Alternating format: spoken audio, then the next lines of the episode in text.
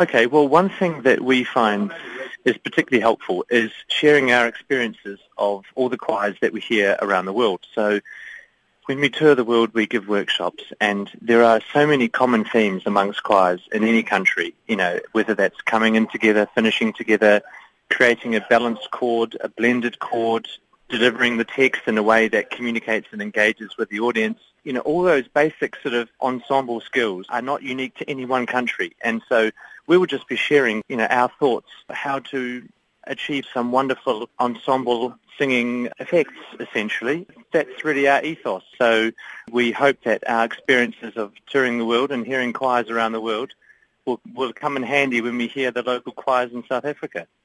Hy verduidelik toe oor die tegniek waarop hulle sal werk, veral wanneer dit by hulle styl van sang kom. Well, our our style of singing is basically built around the fundamental aspect of six voices creating one instrument. So you leave your vocal ego off stage and you create this homogeneous sound that is flexible with varying styles of music and one that engages with the public for a two-hour show. So we'll be looking at breathing and blend and balance and intonation and, and text and enunciation and performance and engaging with the audience and all, all those basic choral techniques will be really fine-tuning those. As deel van hulle repertoire op hierdie toer het hulle Afrika liedjie bygesit. Hy verduidelik toe hoe dit vir hulle gaan wees as 'n groep wat in vele tale sing om nie net aan te pas by 'n Afrika taal nie, maar dalk nog 'n Afrika liedjie by hulle repertoire in te pas. Well, one thing that we're really interested is hearing the music from the country in which we're working. So we know that we're going to be in for a real treat when it comes to hearing some of the local language with some of the songs that will be presented to us and we can't wait to hear the sounds and embrace them. I think we should get some feedback from them whether they think we should perform those pieces in public.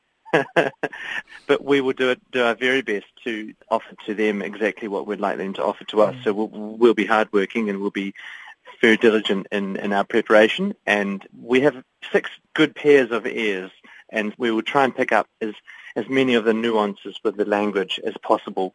And hopefully, maybe we, we can sing some of those pieces in the concert. That that would be a real thrill for us as well. So uh, we we will do our very best.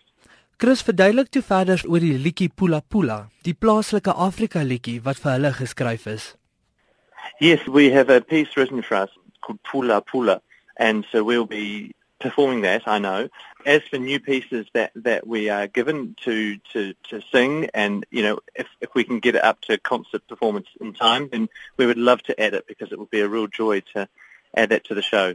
We've got a whole bunch of music that we want to present to the South African audiences, and we are presenting a program, you know, full of, of songs that, that, that, that come from all around the world. And our, our sort of heading for these, the, the theme is life through a lens, and it's essentially looking at snapshots of everyday life from four five hundred years ago through to, to the uh, modern day, whether it's life at a market or or a young couple, you know, spending time together or, or something else. You know, essentially looking through the camera lens and saying, what can we see and, and how has this been translated into music and how can we present that to an audience? So that's what we're looking forward to doing as well.